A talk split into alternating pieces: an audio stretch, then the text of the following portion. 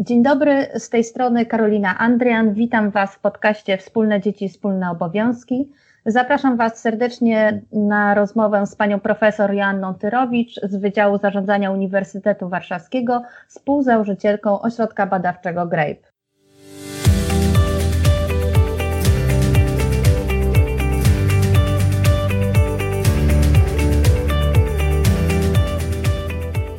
Słuchacie podcastu Wspólne Dzieci, Wspólne Obowiązki. Rozmawiamy o urlopie rodzicielskim w Polsce i na świecie, a szczególnie o tym, jak można go podzielić między kobietę i mężczyznę.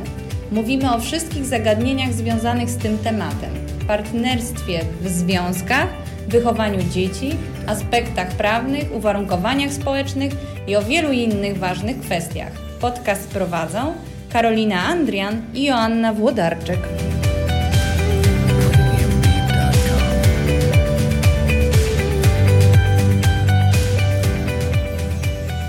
Dzień dobry Pani Profesor. Dobry. Dziękuję bardzo, że zgodziła się Pani na tę rozmowę. Dzisiaj będziemy rozmawiać e, o finansach. My e, mamy w puli naszych podcastów jedną rozmowę o finansach i to jest e, podcast, który był najczęściej odsłuchiwany w zasadzie i dotyczy dzielenia się finansami w parze, planowania finansów w parze. Dzisiaj zaprosiłam Panią profesor, żeby porozmawiać o trochę innych finansach, takich finansach, które są jakby dotyczą dalekiej naszej przyszłości, czyli o emeryturach e, kobiet.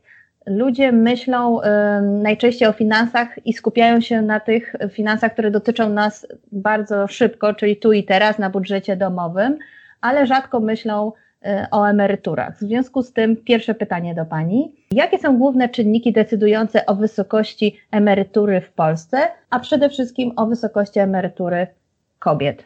Na to pytanie jest w tym sensie trudno odpowiedzieć, że ja z chęcią powiem, jak wygląda dzisiejszy system emerytalny i z e, radością wyjaśnię, jakie są ewentualnie różnice pomiędzy kobietami a mężczyznami, mhm. ale ten system emerytalny y, będzie musiał ulec zasadniczej zmianie. Mhm. A w jaką stronę pójdzie zmianie, ta zmiana, to już ja nie mam szklanej kuli, żeby zgadnąć, ale zacznijmy od podstaw. Pierwsza mhm. kwestia jest taka, że w Polsce wobec osób, które dzisiaj są jeszcze pracujące, wszystko jedno, czy zostało mi rok do emerytury, czy kilkadziesiąt lat do emerytury, formalnie nasz system jest skonstruowany na zasadzie tak zwanej zdefiniowanej składki. Czyli mhm. wszyscy systemu 19,52 e, naszych dochodów brutto 19% i 52% naszych dochodów brutto. E, ta spłata jest odcięta na tak zwanej dwójpółkrotności średniej krajowej, czyli w momencie, w którym odprowadzimy składki do wysokości 30 miesięcznych średnich krajowych, to już nie odprowadzamy ani złotówki składki do systemu emerytalnego i zbierają się te pieniądze gdzieś. Kiedy zbierały się w OFE i w ZUS-ie, dziś zbierają się głównie w ZUS-ie, E, oczywiście w ZUS-ie żadne pieniądze się nie zbierają, bo są wypłacane jako bieżące świadczenia, ale z naszego punktu widzenia interesujące jest to, że one są zapisywane, że tam w danym roku Joanna Terowicz płaciła x pieniędzy i to jest tak co roku dopisywane. Te pieniądze są waloryzowane, no i nadchodzi ten szczęśliwy moment, kiedy można przejść na emeryturę, idziemy do ZUS-u, mówimy dzień dobry ZUSie, chciałabym przyjść na emeryturę, uzbierane mam X, ile będzie wynosiła moja emerytura? A ZUS popatrzy sobie w to, popatrzy sobie w mój rocznik urodzenia, we właściwe dla mojego rocznika urodzenia, ale wspólne dla kobiet i mężczyzn tablice przeżycia, czyli oczekiwane prognozy demograficzne dalszego trwania życia osób, które osiągnęły wiek emerytalny, czyli dożyły do 60 w przypadku kobiet, 65 w przypadku mężczyzn, mhm. e, i podzieli uzbierane pieniądze mhm. przez to, ile nam zostało przeciętnie oczekiwanej miesięcy życia. Mhm. W związku z tym od razu się ujawnia, dlaczego są różnice pomiędzy emeryturami kobiet i mężczyzn. Po pierwsze, kobiety wpłacają mniej do systemu przeciętnie niż mężczyźni, ponieważ ich płace są niższe i krócej pracują. Mhm. To znaczy, y, częściej pracują na część etatu niż na cały etat, na cyklu życia łącznie mają więcej miesięcy nieprzepracowanych niż mężczyźni. E, po drugie, kobiety pracują krócej, to znaczy mają niższy wiek emerytalny, mhm. co oznacza, że trzeba te uzbierane mniejsze pieniądze podzielić na 60 miesięcy więcej, bo to jest 5 lat razy 12 miesięcy rocznie. Mhm. Więc te dwa czynniki, niższe wpłaty i dłuższy okres pobierania emerytury, razem skutkują znacznie niższymi emeryturami dla kobiet niż dla mężczyzn.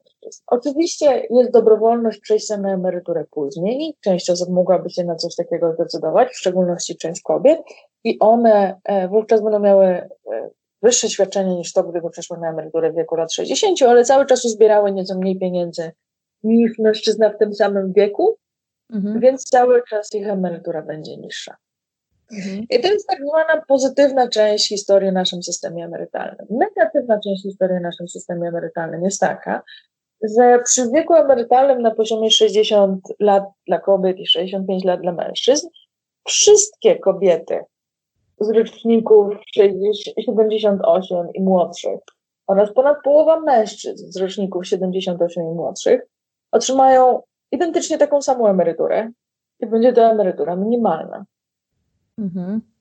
Dlaczego? Dlatego, że wszyscy będziemy żyć tak długo, ten moment wydłużania się dalszego trwania czasu życia będzie już tak długi dla mhm. roczników 70 i młodszych, mhm. że po prostu uzbieramy za mało pieniędzy, żeby dostać świadczenie wyższe niż minimalne. Nasz system emerytalny gwarantuje minimalne świadczenie, więc jak ktoś zbierał na przykład na 1000 zł, a mhm. minimalna emerytura wynosi 1200, to państwo musi mu zapłacić 1200. Mhm. A mało kto uzbiera nas zdecydowanie więcej niż 1200, bo mamy odcięcie na tej dwójpółkrotności. Mhm. Te dwie rzeczy razem skutkują tym, że za tam 20 niecałe lat, kiedy roczniki 78 i młodsze zaczną przechodzić na emeryturę, wszyscy będą dostawali taką samą emeryturę i będzie ona bardzo niska. Więc nikt nie niesprawiedliwość ze względu na płeć, mhm. E, ale nie wiem, czy to jest dobra wiadomość. No bardzo słaba, muszę przyznać, bo ta emerytura będzie bardzo niska. A mam jeszcze pytanie, wracając do y, emerytur kobiet i mężczyzn, bo tak jak pani y, tutaj y, opowiedziała, od czego zależy emerytura, no to w sumie moje pytanie było, czy to jest sprawiedliwe, że kobiety mają niższe emerytury od mężczyzn. Patrząc na to, co wpływa na emeryturę, można by powiedzieć, jest to sprawiedliwe, bo po prostu żyją dłużej i płacą mniej, no bo zarabiają mniej i przede wszystkim płacą mniej, bo y, mają więcej miesięcy nieprzepracowanych. Czy, y, czy uważa Pani, że to mogłoby być inaczej? Bo tutaj jest też kwestia tego, żeby mam, nie przepracowujemy takiej ilości, y, nie wiem, miesięcy, lat, ponieważ po prostu rodzimy dzieci i mamy urlopy rodzicielskie i urlopy wychowawcze. W związku z tym pytanie. Czy... Mhm. Chciałabym skorygować. Nie ma znaczenia to, że kobiety żyją dłużej ponieważ dzielimy uzbierane pieniądze w ZUS-ie przez wspólne dla kobiet i mężczyzn tablice przeżycia. Tam, ten pomysł, takie rozwiązanie w systemie, miało być y, rodzajem kompensaty dla kobiet. Że no wiecie, panie, no mniej zarabiacie, e, no i musicie te dzieci rodzić i wtedy w pracy was nie ma, więc się wasze składki nie odkładają, to my wam tutaj wyrównamy w ten sposób, że nie bierzemy waszych dłuższych tablic przeżycia, tylko mhm. średnie dla kobiet i mężczyzn co podnosi wasze emerytury. Tak, mhm. bo dzielimy przez średnio mniejszą liczbę miesięcy niż mhm. e, trzeba byłoby dla samych kobiet. Więc ten system e, jakby został skonstruowany bazując na w mojej ocenie absurdalnym założeniu, że ponieważ jest niesprawiedliwość w okresie pracującym, mhm. to możemy ją jakoś wyrównać, wprowadzając niesprawiedliwość w drugą stronę w okresie niepracującym, bo to, że kobietom wypłacamy wyższe emerytury, oznacza, że mężczyznom wypłacamy niższe emerytury. Nie, mhm. nie jest tak, że tam się jakoś rodzi więcej pieniędzy z tego powodu, tak?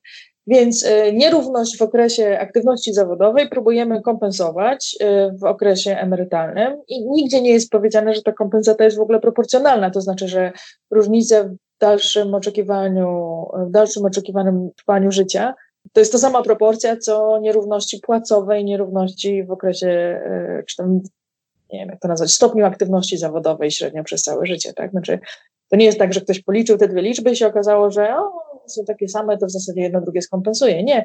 Jedno jest czysto biologiczną kwestią dostępu do opieki zdrowotnej, tego na jakie choroby chorują mężczyźni, na jakie e, kobiety, które mają większą szansę pomimo zachorowania, życia w dobrym zdrowiu i tak dalej. Mhm. Więc to jest zupełnie niezależne od tego, czy kobiety mają rok, czy 6 miesięcy, czy 18 miesięcy urlopu, mhm. czy rodzą jedno i 30 dziecka średnio, czy 2,5 dziecka średnio, i czy nierówności płacowe po skorygowaniu indywidualne charakterystyki przekraczają 10%, e, 20% czy 50%, tak? Więc e, mhm. mamy jakiś rodzaj pomieszania z poplątaniem w tym systemie, ale po pierwsze nie ma czegoś takiego, że bierzemy kobiet e, przeżycia, tylko bierzemy wspólne dla kobiet i mężczyzn i intencją było tego rozwiązania to, żeby w jakiś sposób kompensować niesprawiedliwości mhm. w okresie zawodowej. No, widać, widać chyba, że te, to nie jest skompensowane, bo jednak różnica w, w emeryturach kobiet i mężczyzn wciąż jest bardzo duża.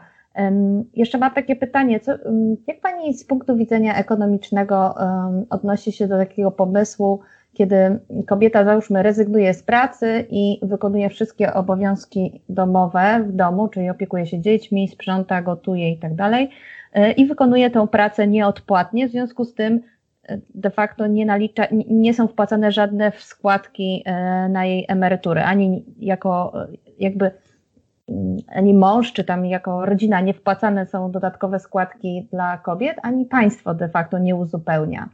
I, i tutaj jest kilka pomysłów. Wyrównanie tej, tej, tej niesprawiedliwości czy nierówności. Jak, co Pani o tym sądzi z punktu widzenia takiego ekonomicznych i kosztów, i korzyści, i sprawiedliwości społecznej czy ekonomicznej? to Pani bardzo lubi pojęcie z gatunku sprawiedliwość na przykład.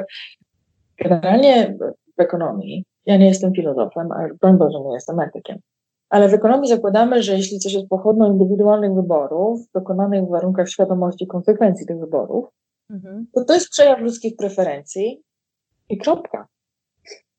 W związku z tym, jako ekonomiści nie uważamy, Mhm. E, czy nie modelujemy, nie wiem jak to nazwać w ogóle, nie podchodzimy do problemów, których ludzie mogą dokonać w pełni świadomego wyboru, nawet jeśli on skutkuje na przykład zerowym dochodem w przyszłości.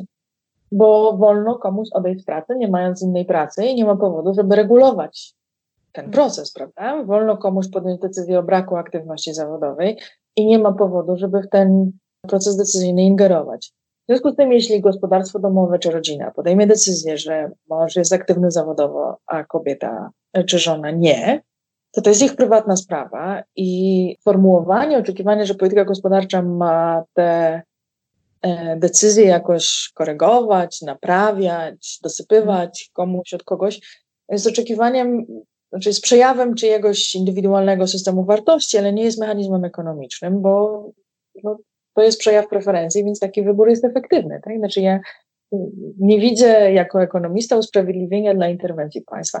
Mogę takie coś zobaczyć jako obywatel, mogę sobie takie coś zobaczyć jako, nie wiem, e, zwolennik jakiegoś światopoglądu, ale jako ekonomista, kiedy patrzę na, to, na takie wybory z perspektywy ekonomicznej, to mówię, to jest przejaw indywidualnych preferencji dokonany w warunkach wyboru, bo to nie jest tak, że warunki systemu emerytalnego są objęte jakąś tajemnicą i dopiero ludzie zatrudnieni się mogą dowiedzieć, co będzie, tak? Wszyscy wiemy, jak to działa. No to jest ich wybór. Natomiast e, trzeba też mieć świadomość, że w Polsce istnieje rozwiązanie tak zwanych e, rent rodzinnych, czyli półmałżonek. Jeżeli małżonek miał emeryturę i, współ, i ten małżonek umarł, to współmałżonek ma prawo do 80% tego świadczenia tak długo, jak żyje. Niezależnie od tego, czy indywidualnie uzbierał uprawnienia emerytalne, czy nie. To znaczy, że kobiety pracujące mogą, te, które pracowały, tak, mogą skorzystać ze świadczenia zmarłego męża, mhm. jeśli jest ono wyższe niż ich. Nie ma sensu, jeśli miało być niższe niż ich, bo to nie jest dodawanie jednego do drugiego, tylko jedno albo drugie. Natomiast mhm. kobiety niepracujące, e, czy te, które nie pracowały, w związku z tym nie uzbierały, nie uzyskały uprawnień emerytalnych, mają prawo do dziedziczenia tego świadczenia. W tym sensie, w, ra w razie, czy w przypadku śmierci małżonka, są w pełni może nie w pełni, ale są ubezpieczone od ryzyka braku dochodu na mhm. starość. No to prawda, ale tutaj jest to, to działa w sumie tylko w sytuacji, kiedy twój mąż umiera, a nie w sytuacji, kiedy na przykład się para rozchodzi, prawda, a mąż cały czas żyje, tylko już nie razem w gospodarstwie domowym. A jeszcze mam takie pytanie odnośnie takiego pomysłu, a co, jeśli, co by było, gdyby na przykład załóżmy, mężczyzna pracuje, kobieta nie pracuje i te świadczenia, które on odkłada na emeryturę, rozkładają się trochę na jego emeryturę, trochę na jej emeryturę.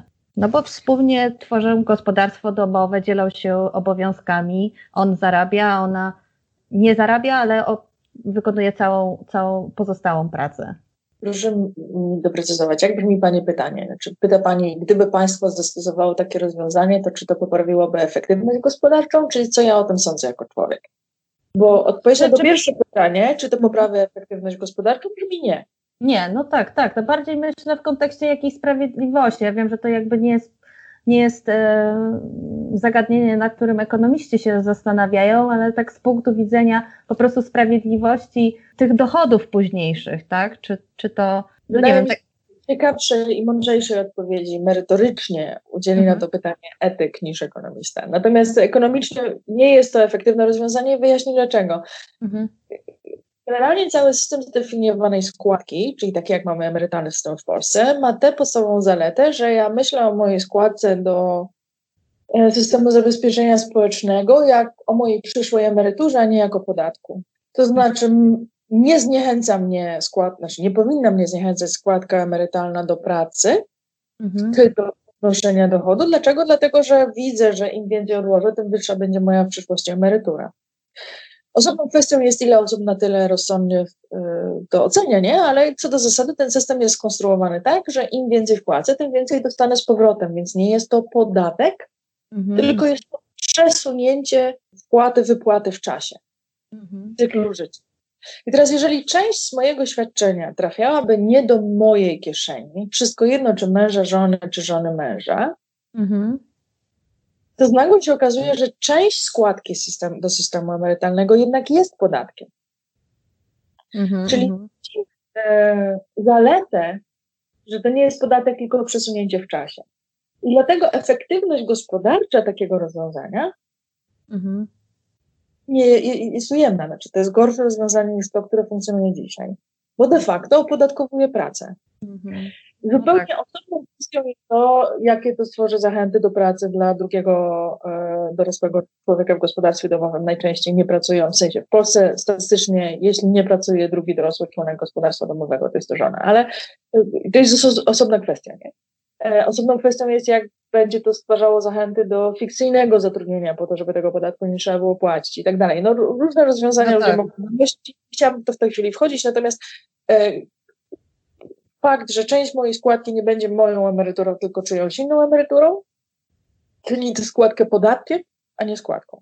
No tak, i tak racjonalnie rzecz biorąc, patrząc na te argumenty, no to taką oczywistą decyzją z punktu widzenia kobiety jest jednak podjęcie decyzji o pracy zarobkowej, tak? Jeśli ja myślę o swojej emeryturze. Aczkolwiek, jak widać po wynikach aktywności zawodowej kobiet, wiele kobiet w ogóle w ten sposób o tym nie myśli, tak? Decyduje się nie pracować i nie myśli o swojej emeryturze.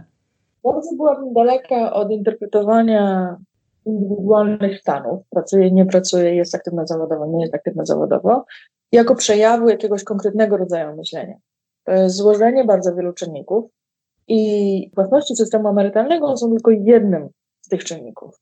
Jak popatrzymy na sytuację bardzo wielu kobiet w Polsce, myśmy to kiedyś bardzo intensywnie badali, to koszty podjęcia zatrudnienia rozumiane jako zapewnienie dostępu do opieki dla dzieci plus dojechanie do miejsca, gdzie jest praca, mhm. są, e, znaczy czynią takie zatrudnienie nieefektywnym. Znaczy, e, zarobki, które można uzyskać z takiej pracy, w niewystarczającym stopniu kompensują te często nie w pełni monetarne, ale jednak istotne z perspektywy gospodarstwa domowego koszty podjęcia zatrudnienia. Więc jeśli chcemy myśleć o aktywności zawodowej jako takiej, to trzeba się zastanowić, jakie są dla niej bariery, a nie tylko jakie są do niej zachęty.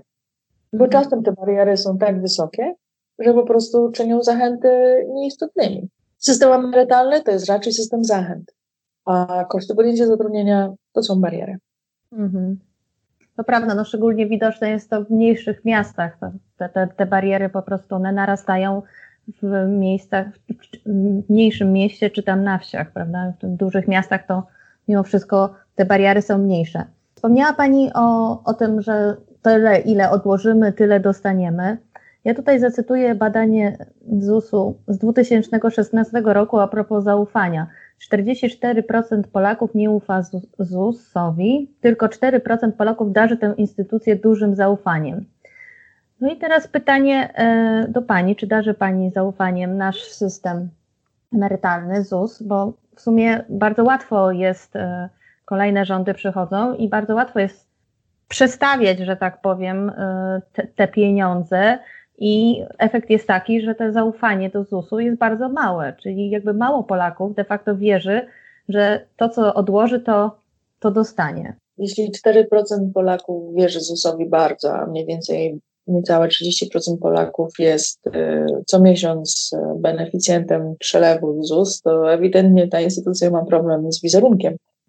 Wydaje mi się, że y, należy rozdzielić dwie kwestie: zaufanie do instytucji jako takiej która jest instytucją administracji publicznej i ma za zadanie wdrażać polskie prawo, mhm. a zaufaniem do podstawowych mechanizmów, które mamy wbudowane w system emerytalny. ZUS jest tylko, że tak wyrażę, logotypem, który ludzie kojarzą, a nie z samą naturą systemu emerytalnego i w tym sensie ufanie bądź nieufanie ZUS-owi jest pytaniem bzdurnym. To jest tak jakby zapytać, czy ufam radiowozowi policji, tak? Mhm. No, radiowoz jest w porządku. No chyba tak, tak. to trzeba naprawić, tak? Mhm. to jeszcze nie znaczy, że ufam policjantowi i że rozsądne są zasady regulowania jego codziennej pracy, jego uprawnienia i granice jego uprawnień. Mi się sensie... wydaje, że tutaj chodzi o zaufanie do rządów, tak? Do, do, do, do państwa, że o, państwo gospodaruje tymi pieniędzmi w sposób, y, nie wiem, odpowiedzialny chociażby, tak? Ale jakimi pieniędzmi? Państwo pobiera dzisiaj składki, dziś wypłaca emerytury, niczego po drodze sobie nie zabiera. Czy instytucja ZUS jest zorganizowana rozsądnie, to znaczy, czy powinna zatrudniać tyle ludzi, ile zatrudnia, płacić tyle, ile płaci za prąd i za usługi informatyczne, to jest osobna dyskusja, na którą większość z nas nie ma wystarczającej wiedzy, żeby to ocenić.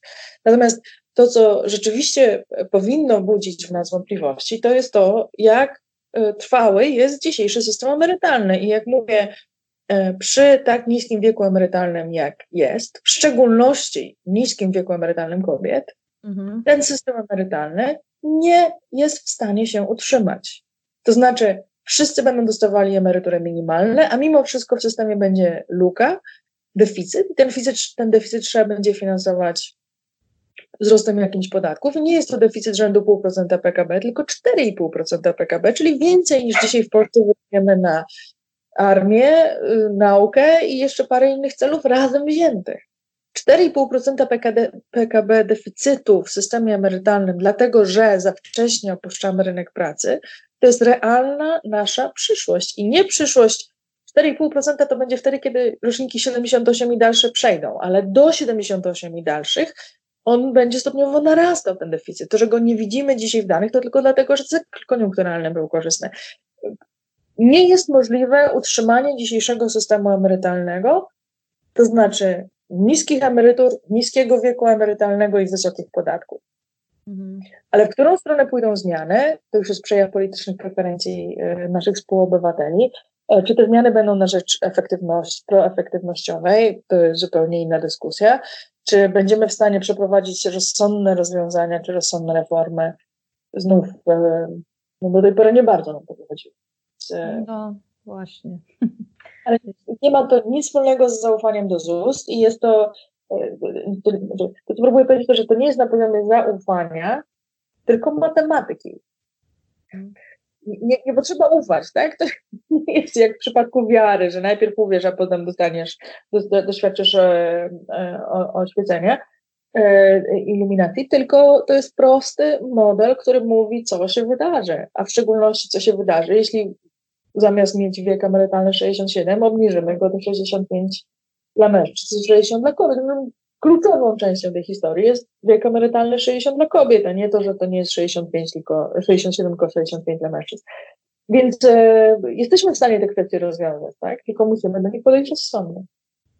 No właśnie, i mi się wydaje, że ten brak zaufania dotyczy właśnie tego, że jakby Polacy nie do końca ufają, że rząd jest w stanie tak z, z, tak mm, skonstruować ten system emerytalny nowy, żeby zapewnić Polakom, nie wiem, co to znaczy godziwa emerytura, ale na pewno nie e, minimalna, tak? to, co nas czeka. Jak że jak mówimy o rocznikach 78, to mówimy o przechodzeniu na emeryturę za kilkanaście lat, więc no, znaczy, nie upraszczajmy tego do dyskusji na temat tego, czy ja wierzę temu czy innemu politykowi, czy podoba mi się ten czy inny logotyp. To jednak jest rozmowa na zupełnie innym poziomie. To ufam nauce i w związku z tym chcę, żeby jakaś polityka była oparta na wiedzy, E, ufam w hasła i zaklinanie, ktokolwiek by ich nie przedstawiał. I wtedy, czy ta polityka będzie za bardzo w lewo, czy za bardzo w prawo, wobec optymalnego, poprawnego rozwiązania, nie ma żadnego znaczenia. Mhm. No jednym z y, działań rządowych w obszarze emerytur jest chociażby program Mama Plus. To tak wracając do kobiecych emerytur, który ma być zachętą, ma gwarantować kobietom, y, które mają czwórkę dzieci i więcej, ma być zachętą przede wszystkim do tego, żeby decydować się na posiadanie e, czwórki dzieci. No to jest sporo, tak z punktu widzenia naszego pokolenia, mojego, e, czwórka dzieci. No bo oczywiście jest ogromny problem demograficzny, z którym się borykają w sumie wszystkie kraje Europy, w tym Polska, która chyba będzie jednym z najszybciej starzejących się krajów e, Europy. I czy, czy te, to rozwiązanie zachęci Polki do tego, żeby rodzić dzieci? Wyciąga mnie Pani w obszary polityczne, które odmawiam wchodzenia ale powiem, co następuje. Dzietność jest wysoka wtedy, kiedy jest łatwo przejść z jednego dziecka na dwa, a w szczególności też wtedy, kiedy łatwo jest przejść z zero dzieci na jeden. Przejście jest trzy dzieci na cztery, cztery na pięć i siedem na osiem nie jest w stanie rozwiązać problemu z dzietnością, dlatego że to zawsze będą zjawiska e, marginalne.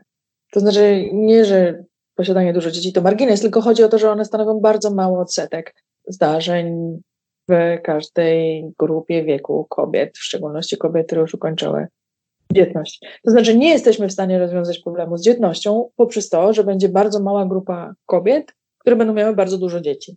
To tak po prostu nie działa. Mhm. Społeczeństwo nie jest w stanie w ten sposób zmienić swojej dzietności.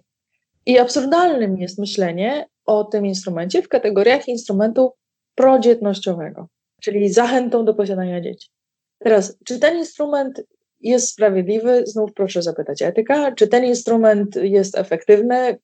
Z danych wynika, że większość osób, większość kobiet zamieszkujących w gospodarstwach wielodzietnych nie jest aktywna zawodowo. Nie są to wszystkie, ale większość, zdecydowana większość nie jest aktywna zawodowo. E, co oznacza, że jedyne świadczenie, jakie by uzyskały, to ewentualna renta rodzinna w przypadku śmierci męża. Czy tak ma być, czy powinny korzystać z pomocy społecznej, czy powinny korzystać z innych instrumentów, to już jest decyzja na poziomie politycznym. To znaczy, czy jest nam lepiej z pomysłem, że e, matka czworga dzieci dostanie z automatu jakieś niewysokie świadczenie emerytalne, czy wolimy, żeby matka czworga dzieci w momencie osiągnięcia wieku emerytalnego przeszła się do ośrodka pomocy społecznej, zadeklarowała tam, że nie osiąga dochodów i w związku z tym otrzymała świadczenie finansowe. To są po prostu dwa różne rozwiązania tego samego problemu i jakie kto ma preferencje, to takie wybiera. Mhm. Ale co do zasady, nie można o tym instrumencie myśleć jako o instrumencie prodzietnościowym, mhm. bo nie jest rozwiązaniem problemu niskiej dzietności. Bardzo mały odsetek i on zawsze będzie małe. Gospodarstwo małe z dużą liczbą dzieci. Zgadzam się.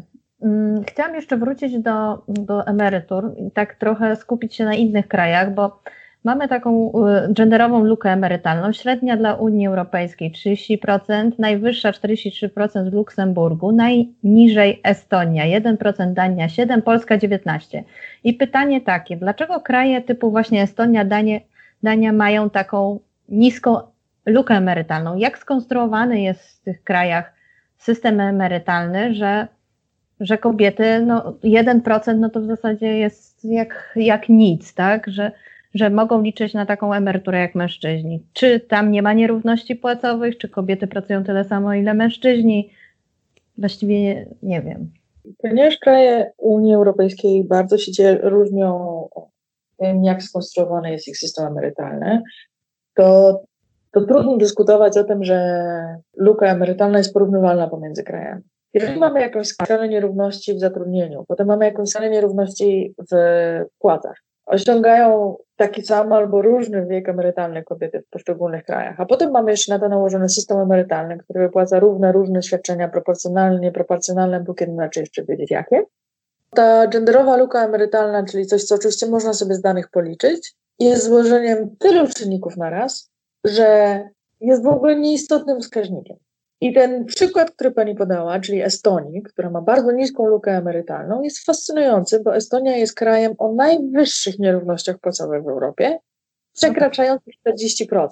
To znaczy na każdego jednego euro, które zarabia mężczyzna Estończyk, kobieta Estonka, identycznie taka sama jak on, w tej samej pracy, z takim samym poziomem wykształcenia, z takim samym doświadczeniem, zarabia 60 centów. Ta różnica w innych krajach oscyluje pomiędzy 90 a 70 parę centów. Tak? Estonia jest po prostu kilometry za wszystkimi innymi krajami, jeśli chodzi o nierówności rynku pracy.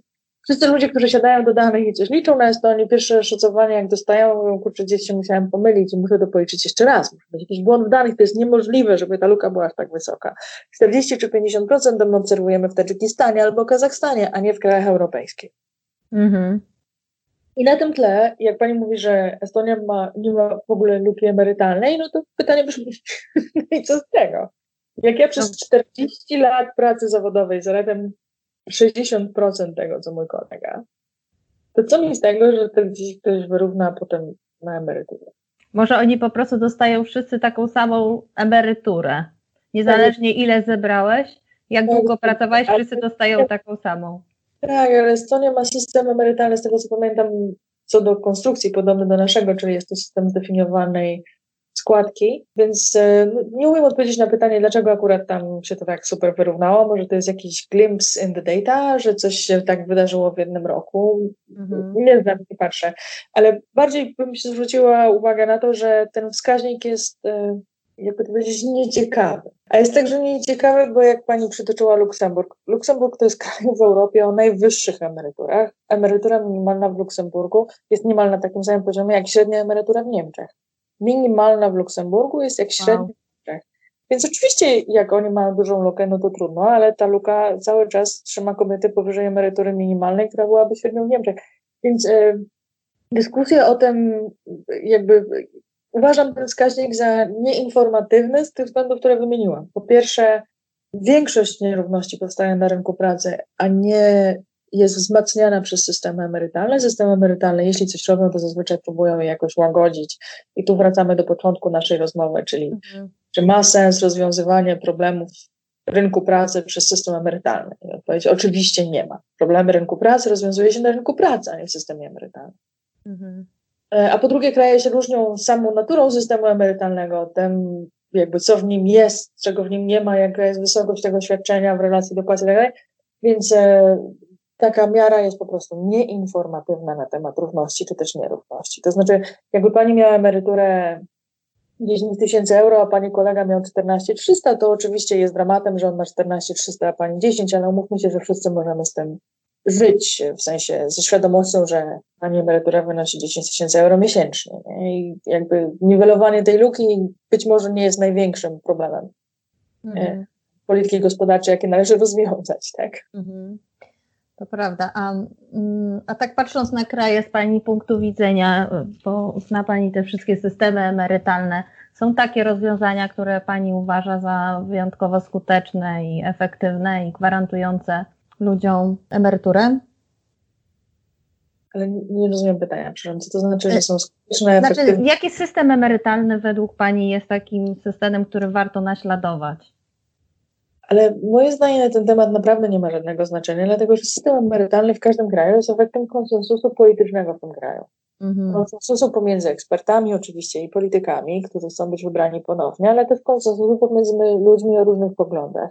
I być może w naszym kraju konsensus społeczny jest na systemie, który płaci wszystkim ludziom bardzo niskie emerytury i mimo wszystko generuje deficyt. Jeśli to jest przejaw naszych preferencji politycznych, o czym ani ja, ani pani nie wiemy, bo nie mamy jak tego na dzisiaj zbadać, ale jeśli to jest przejaw konsensusu preferencji politycznych Polaków, no to z takim systemem będziemy żyli. Jeśli nie jest to przejaw konsensusu preferencji politycznych Polaków, to go zmienimy. Ale nie można pójść i wziąć na przykład systemu brytyjskiego, nie wiem, nowozelandzkiego czy jakiegokolwiek powiedzieć, on się to świetnie sprawdzi, bo to, że on powstał w takim kształcie przez ponad 100 lat w jakimś jednym konkretnym kraju, jest przejawem preferencji. Jak pani popatrzy na przykład na e, wielka sprawa z tym, że Grecja była w kłopotach i czy Niemcy ją wykupią, czy nie, jak popatrzymy na poprzedni kryzys finansowy w Europie, tak? Mhm. E, najwyższa emerytura niemiecka jest znacznie niższa niż najwyższa emerytura grecka. I to jest różnica rzędu 50%. Sensie najwyższe emerytury niemieckie, ponieważ niemiecki system jest silnie redystrybucyjny, nie przekraczają poziomu dwukrotności średniej krajowej, mhm. przekraczają poziomu rzędu dla ustalenia uwagi 5 tysięcy euro pewnie. Mhm. Najwyższe emerytury greckie przekraczają 6 tysięcy euro. I oczywiście, jak się na to, na to patrzy z perspektywy Niemca, to można powiedzieć, dlaczego oni mają dostawać emerytury 6 tysięcy pojedyncze osoby, ale jednak, tak? Mhm. 6 tysięcy e, euro miesięcznie, kiedy w Niemczech nie mamy takich emerytur, a jesteście biedniejszym krajem. No ale jak się na to popatrzy z perspektywy większości Greków, to większość Greków mówi, my nie mamy pracy i wszyscy żyjemy z emerytury mojego dziadka, który dostaje emeryturę minimalną, która wynosi 1800 euro miesięcznie. Więc jest niższa od przeciętnej emerytury w Niemczech, a na dodatek służy utrzymaniu wieloosobowego gospodarstwa domowego, a nie jedno- czy dwuosobowego gospodarstwa domowego, tak? Mhm. Więc y, dyskusja o tym, jak ma być skonstruowany system emerytalny pomiędzy dwoma krajami nigdy nie może być miejsca, bo one, to, to, to mamy już pochodną mhm. I Grecy, którzy w większości otrzymują niskie emerytury, byli przeciwni cięciu emerytur narzucanym, narzucanemu przez Europejski Bank Centralny, IMF i Komisję Europejską w procesie konsolidacji greckiego długu publicznego, bo oni widzieli obniżkę z tego swojego 1800 na 1700, a to jest zasadnicza różnica dla sześcioosobowego gospodarstwa domowego, tak? Mhm. I to był problem większości Greków, bo tak jest skonstruowany ich system emerytalny. Ale bardzo łatwo jest to przedstawić jako obniżenie z 6 tysięcy na 4,5, bo bez przesady nie jesteście bogatsi od Niemców, a niemiecka najwyższa emerytura nie przekracza 5 tysięcy. Więc nie można wziąć doświadczeń z jednego kraju i zaimplementować ich w innym kraju, mhm. Bo po prostu mamy różne preferencje. Niemcy mają bardzo silną preferencję redystrybucyjną, to znaczy żeby z jednej strony zapewnić wszystkim poczucie bezpieczeństwa finansowego, ale z drugiej strony, jeśli ktoś był kiedyś dobrze sytuowany, to powinien być dobrze sytuowany także, kiedy przejdzie już na emeryturę. Mhm. Czyli kiedy zarabiał dyrektor więcej niż sprzątaczka, to cały czas powinna ta różnica być zachowana. Grecy natomiast są przyzwyczajeni do tego, że wszyscy dostają bardzo niską emeryturę, a tylko pojedyncze osoby z różnych względów, teraz nie wchodźmy dlaczego, są w stanie osiągać bardzo wysokie dochody z emerytur nie, nie da się tego e, powiedzieć Grekom weźcie niemieckie, albo powiedzieć Niemcom weźcie greckie, no to mhm. i zakładam, że podobne e, preferencje mają Polacy. Bardzo słabo je badamy. Jak już je badamy, to zazwyczaj chodzimy do ludzi z pytaniem, nie robimy tego w Grape, ale zazwyczaj chodzi się do ludzi z pytaniem na przykład, czy chciałbyś pracować do 60 czy do 65 roku życia? No to nie, komu stawiam takie pytanie, to zupełnie rozsądnie odpowiada, że do 60, no bo dlaczego nie? Ale no, tak. Ale realny trade-off brzmi, czy chcesz pracować do 60 i mieć emerytury 1100, czy chcesz pracować do 65 i mieć emerytury 200. I przy tak, takiego pytania nie stawiamy w badaniach ankietowych. Nie? Pani przytacza badania zaufania do ZUS. To nie jest problem ZUS, to jest problem systemu emerytalnego, który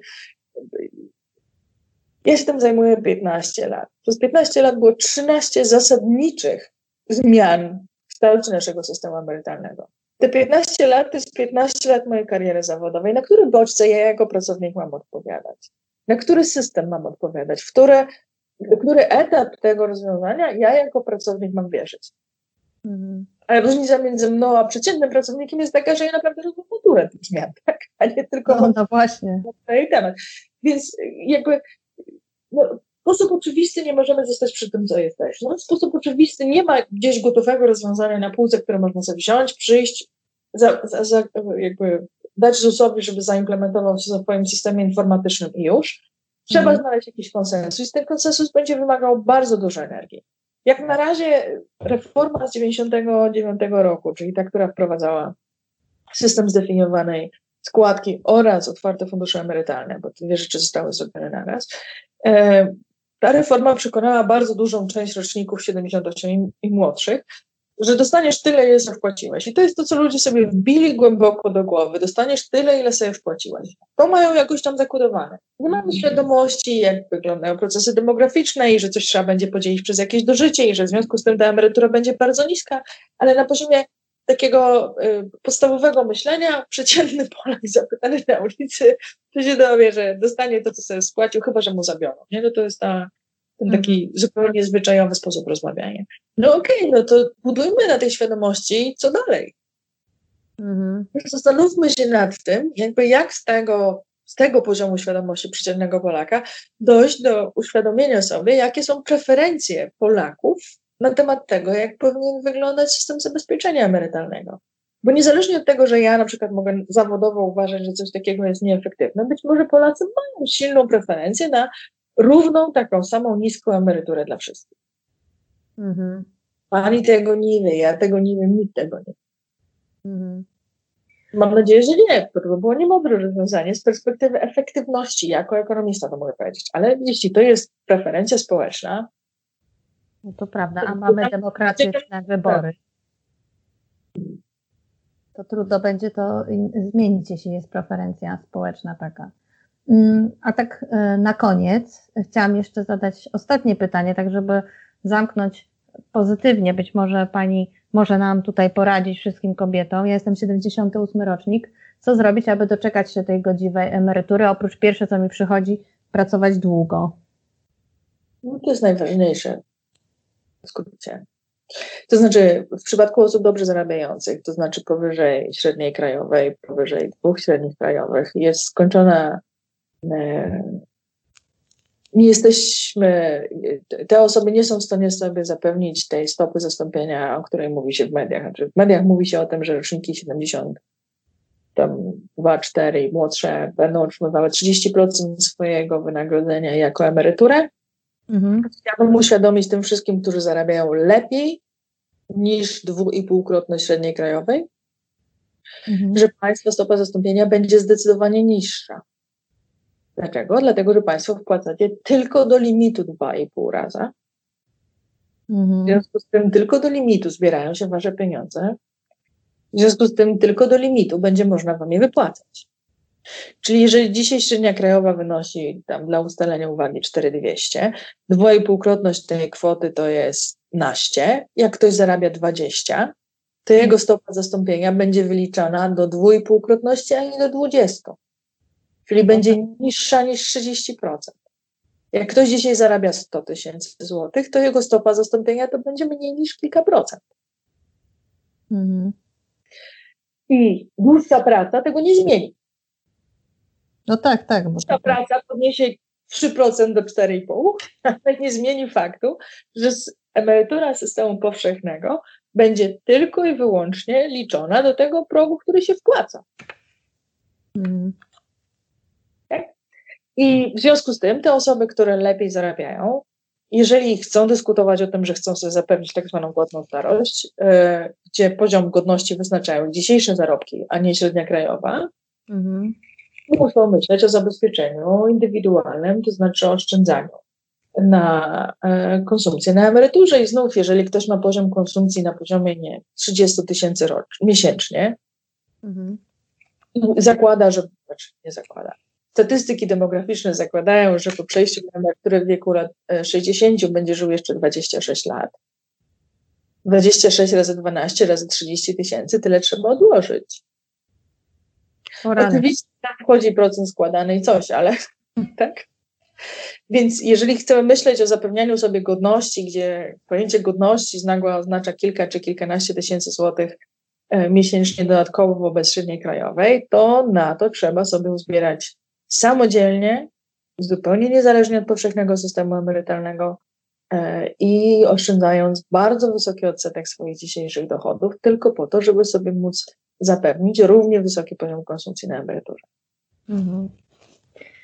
No dobrze. To to tak, tak przyszło mi do głowy, że jak będę wysoki odsetek oszczędzać na emeryturę, to nie będę się cieszyć tym życiem teraz, tylko na tej emeryturze dopiero, bo jak tu trzy czwarte odłożę na emeryturę, to ten mój stopień korzystania z życia przesunie się znaczy w czasie o 20 lat czy tam 30 Tematem właśnie naszym modelu ekonomicznym. My próbujemy, na tym polega wybór, którego Pani dokonuje każdego dnia. Pieniądze nieskonsumowane dziś są odłożone na przyszłą konsumpcję. Jeśli wyłączymy z rozważań kwestie takie jak ryzyko utraty pracy i że trzeba będzie wtedy zapłacić, albo że się popsuje samochód i trzeba będzie kupić nowy, albo że trzeba będzie z nagła zapłacić za rehabilitację bliskiego członka rodziny, czyli wyłączymy zdarzenia losowe. To jedyny powód oszczędzania na przyszłość, dwa powody oszczędzania na przyszłość to jest jeden, zabezpieczenie swojej konsumpcji, kiedy już się nie zarabia mhm. oraz zrealizowanie motyw e, związany z pozostawieniem spadku e, najbliższym. Mhm. Więc znów wyłączymy z rozważań motyw pozostawienia spadku najbliższym. Jedynym powodem oszczędzania rozsądnego człowieka mhm. jest zabezpieczenie konsumpcji na przyszłość. I ile będzie oszczędzał taki rozsądny człowiek? No popatrzy sobie, że no, moja konsumpcja dziś jest dla mnie warta ileś, moja konsumpcja w przyszłości jest dla mnie warta mniej, ale nadal nie zero. Mhm. W związku z tym moja optymalna stopa oszczędzania wynosi tyle a tyle, a będę się musiała przyzwyczaić do nieco niższego poziomu konsumpcji na emeryturze, bo do tego taki wybór dokonała, takiego wyboru dokonałam, tak? I teraz sam fakt, że część ludzi nie ma świadomości, że dokonuje takiego wyboru co dnia, nie znaczy, że go faktycznie nie dokonuje. Mhm. To znaczy, naprawdę, każda marchewka, którą kupujemy dziś i zjadamy dziś, to jest marchewka, której nie kupiliśmy w przyszłości i nie zjedliśmy w przyszłości. I rozsądek wymaga, żeby sobie ocenić, ile marchewek chcemy zjeść dziś, a ile w przyszłości. Mhm. To tak właśnie powinniśmy rozmawiać moim zdaniem z dziećmi, żeby tą świadomość odnośnie zabezpieczenia przyszłości i gospodarowania finansami budować od najmłodszych lat. I właściwie na tych marchewkach warto by było zrobić matematyki już w podstawówce, wydaje mi się, żeby tą świadomość budować. Na pewno jest to ciekawy pomysł. No dobrze, dziękuję bardzo. W takim razie oszczędzać i, i długo pracować w zasadzie. To są dwie najważniejsze rzeczy. Dziękuję bardzo w takim razie, że zgodziła się Pani poświęcić tą godzinę na rozmowę i, i porozmawiać o emeryturach. I do usłyszenia. Dziękuję i życzę Państwu bardzo miłej wiosny. Do widzenia. Dziękuję bardzo.